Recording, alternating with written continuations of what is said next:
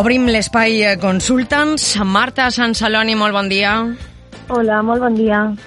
Benvinguda de nou al eh, programa. Avui anem a parlar, vas a parlar-nos, millor dit, de l'ingrés mínim vital i la seva compatibilitat amb el treball.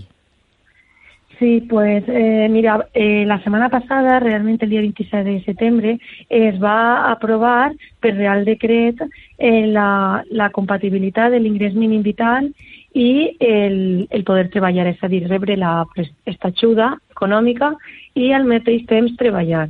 He de dir molt important que encara que hagin aprovat eh, la normativa, fins al dia 1 de gener del 2023 no entra en vigor però sí que és important que la gent sàpia i conega en què consisteix eh, això de poder compatibilitzar per a que vega si realment eh, pot fer ús a fecha 1 de gener o no de, de la norma, nova normativa. Vale. Te, eh, comento un poquet para sí. situar-nos en a què ve esta normativa.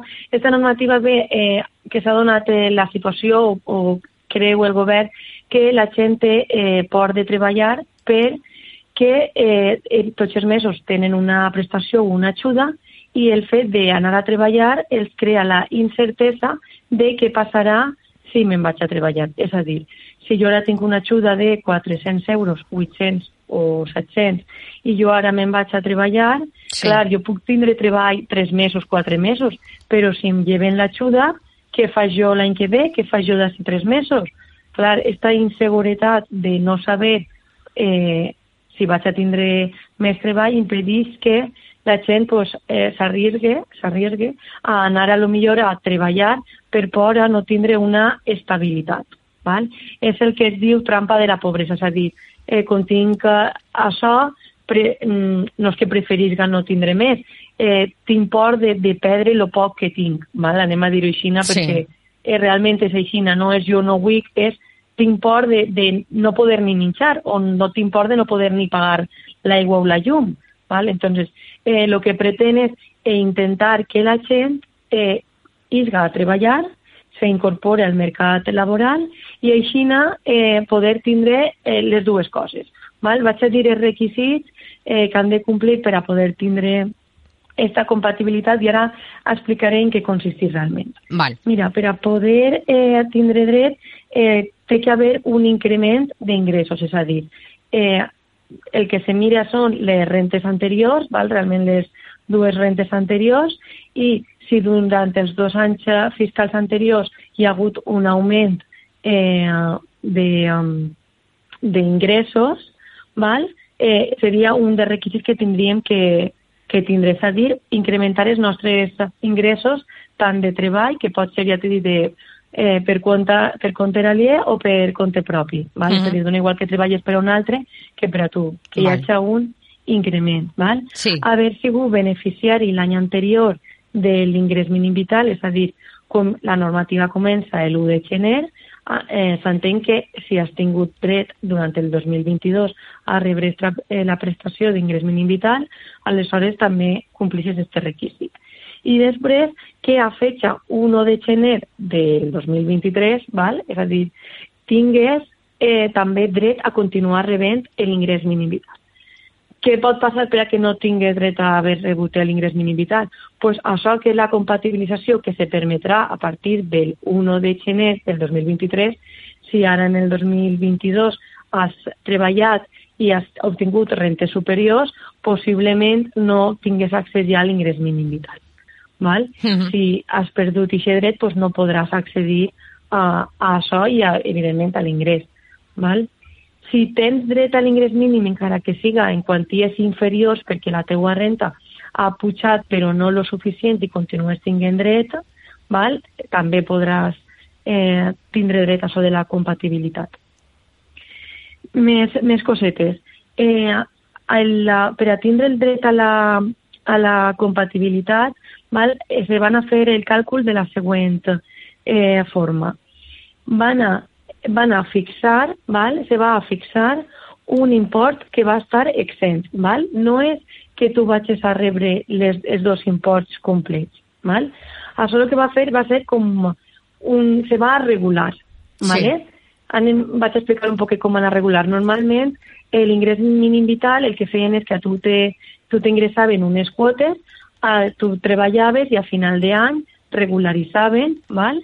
i a partir de gener o regularitzaven la quota que a tu anaven a donar a donar-te mensualment, o el que feien era eh, que en renta, si el que tu havies, la informació que tu havies aportat no estava del tot correcta, podien inclús regularitzar, és a dir, lo millor t'havien estat inclús pagant durant més temps i el que feien és pues, dir-te no t'han pagat de més, aleshores tenies que fer la devolució o t'han pagat de menys i aleshores te feien un, un ingrés. Val? Ara el que se pretén és que els ingressos eh, que tu tingués de més estiguen exempts. És a dir, si jo rep de l'ingrés mínim vital, vaig a ficar una quantia 600 euros, més eh, m'he ficat a treballar durant tot l'any dos mesos a mitja jornada i he guanyat 1.000 euros, pues, eh, aquests 1.000 euros, quan jo tinga que justificar al final d'any eh, els ingressos que he tingut, aquests 1.000 euros estarien exempts val? del que jo eh, he treballat. Aleshores, per a l'any següent, per a poder tindre dret a l'ingrés mínim vital, no computarien. Val? He ficat un exemple així, però ja que tindré molt en compte molts factors. És a dir, eh, ja que tindrem en compte que no és el mateix una família monoparental, que no és el mateix ser, eh, tindre dos fills a càrrecs, tres, no és el mateix eh, unitats de convivència de tres adults i un xiquet, és a dir, l'ingrés mínim vital el que fa és abarcar molts tipus de, de famílies o unitats de convivència. És a dir, eh, no és el mateix i, evidentment, el que els imports que abonaven no eren els mateixos depenent del tipus de, de família. Per lo tant, el requisit eh, tampoc és el mateix els percentatges de la quantia exenta. Val? Per, mm, faig un altre exemple i te dic ja números per el que diu la normativa. El, l'ingrés eh, mínim vital, val? Te'l, tu que un exemple americano, sí. te'l donen, no? Sí. I a, a part tu te treballes i te donen, treballes un mes i te donen 1.000 euros més, val? Uh -huh. I ja quantia, si és menor al 60% val, de, dels dos... Bé, vaig a començar de nou perquè és un poquet complicat. Eh, fan una variació, val, i miren, els dos anys anteriors de que tu has tingut, vale, és a dir, anem a anar dos rentes arrere, vale? Sí. En este any, com tenim, estem en el 22, doncs aniríem a la del 20 i la del 21, val? I miraríem aquestes dos rentes, val? I el eh, que fan és una mitja per veure el que tu eh, els, els, els diners o patrimoni que has, que has tingut. Val? Sí. Aleshores, el que fan és calcular un 60%. Val? I aquest 60% és el màxim que a tu, eh, tu podries tindre de salari sense que t'afecte l'ingrés mínim vital. Val. Más sí, sí, sí, sí, sí. ¿vale? Es el, el increment, ¿vale? No ha de ser mayor del 60%. En ese caso, el, in, el import d'ingressos és hasta el 60%, val?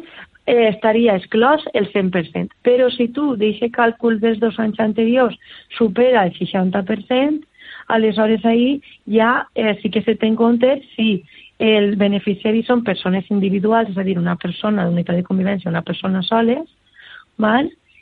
Eh, si no ha treballat o sí els anys anteriors, l'any dos anys anteriors a lo millor no tenc ni, ni rente, val? si és del 20 eh, pues, li poden en compte de, del 100%, pues a lo millor li afecta només un 20 o un 30. Sí que és de veres que això ja és un poc més complicat perquè hi ha que anar a veure cada situació eh, clar. particular. És que és això és molt personalitzat. Clar, clar, però això t'ha dit que hi ha molts tipus de famílies i molts tipus d'unitats de convivència i clar, no és el mateix una unitat de convivència formada per un adult i tres uh, menors a càrrec que dos adults i un menor a càrrec. És a dir, els números i els percentatges eh, que es van afectar a l'hora de tindre en compte quin, qui, quin és l'import que no els va afectar, és a dir, per molt que treballen, eh, hasta quina quantia màxima els afectaria o es veuria reduïda la quantia, pues no poden saber-ho hasta que veiem quin tipus de família i anem a buscar Clar, però realment en, en este cas, eh, Marta, una persona que estiga eh, rebent este ingrés mínim vital i trobe un, un lloc de, de treball, eh, clar, eh, abans d'acceptar-lo hauria de saber tot això, no? de mirar-se tot això. Clar, a veure, eh, sí que és cert que molts tenen en compte de com es va afectar. La gent que, que està rebent aquests ingressos eh, sí que miren més eh, detenidament si van a perdre aquest tipus d'ajudes, perquè, clar, és el que, el que deia no al principi, és, no és el no voler treballar, és la por a no saber si eh, tindré ingressos per a poder pagar, eh, per poder menjar, clar, o clar. els meus fills menjar. Uh -huh. És a dir, és algo tan, tan senzill perquè este, l'ingrés mínim està preparat per això, és a dir, per a donar pues, el que és la mínima assistència a les condicions bàsiques per a que una persona puga, puga viure i puga, eh, pues això, menjar. I, uh, i bueno, pues, te fico un exemple per a que t'havia dit dels 1.000 euros, però, per exemple, una família monoparental que amb dos fills, val, que no hagi treballat l'any anterior, té un, un ingrés mínim de 10.777 euros a l'any. Val? Sí. Si aquesta persona treballa i guanya 1.000 euros i aquest any, sí. val? No estic, he ficat un exemple baixet perquè no he parlat de 10.000 euros. Evidentment, si una persona eh, està cobrant l'ingrés mínim vital i guanya més de 10.000 euros, possiblement ja no estiga dins de, per a poc cobrar l'ingrés mínim vital, però a lo millor simbolitza que aquesta persona ja té una, una estabilitat per a sí, poder... Sí. Sé, sé que eh, dit així no sona mal perquè que una persona tinga 8 mesos treball i cobre salari mínim interprofessional no és garantia de res. I evidentment aquesta persona no té ni estabilitat ni per desgràcia no, no, no és així. Però clar, el govern fica unes pautes i unes eh, pues, bàsiques per a, per a ficar uns límits. Evidentment jo ja sé que, que no és suficient vull dir, jo també ho sé.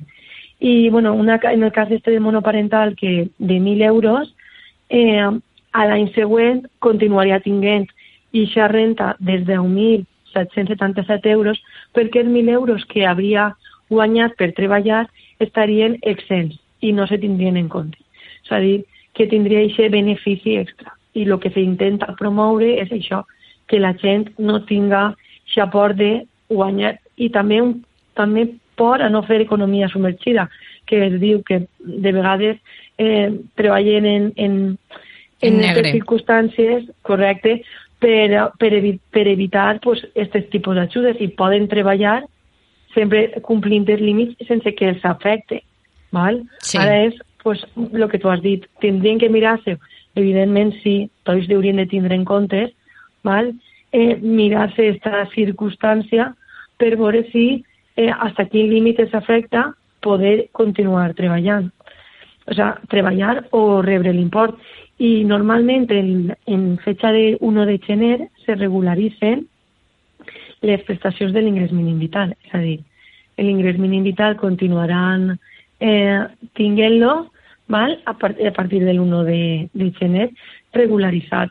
Per què dic això? Perquè l'ingrés mínim vital obliga a fer la declaració de la renta i això sí que és una obligació que no fer-la implica que te la poden llevar. Sí.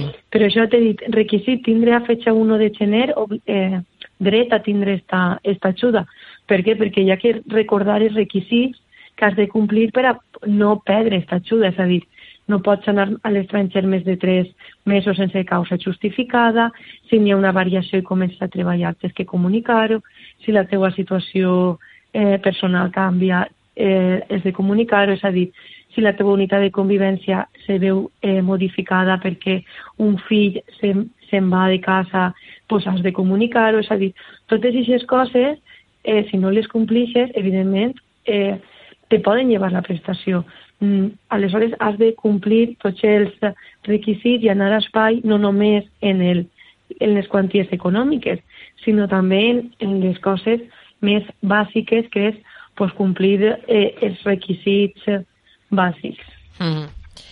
Eh, Marta, per a la gent que necessite més informació, eh, en este cas, jo ho he dit, és que cada persona és, és una situació, és un món, i, i això és molt personal.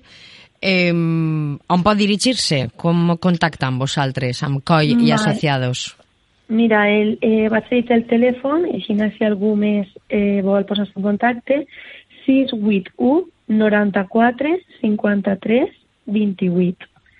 Vaig a repetir-lo perquè és un poquet... Eh, sí. 681 94 53 28.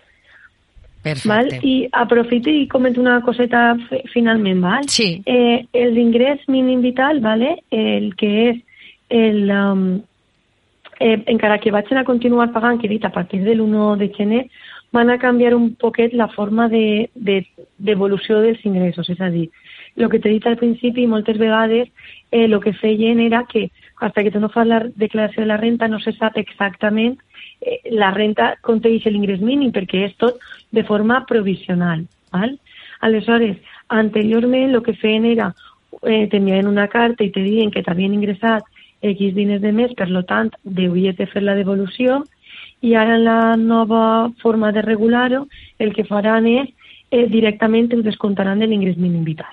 Val? Val. És a dir, si te pagaven 800 euros, si t'han pagat 150 euros de mes, pues durant 12 mesos te restaran aquests eh, imports, val? sempre garantint eh, el 30%. Val? Uh -huh. És a dir, eh, han ficat els límits i si veuen que durant un any no, vas a, no van a poder eh, retindre aquest import que se suposa que has rebut de més, pues ja gastaran la via ordinària que és comunicar-te-ho. Però bueno, és el mateix, al final, si no has complit els requisits o mos han excedit en el, s'han excedit en l'ingrés d'imports, al final tindrem que fer la devolució dels ingressos.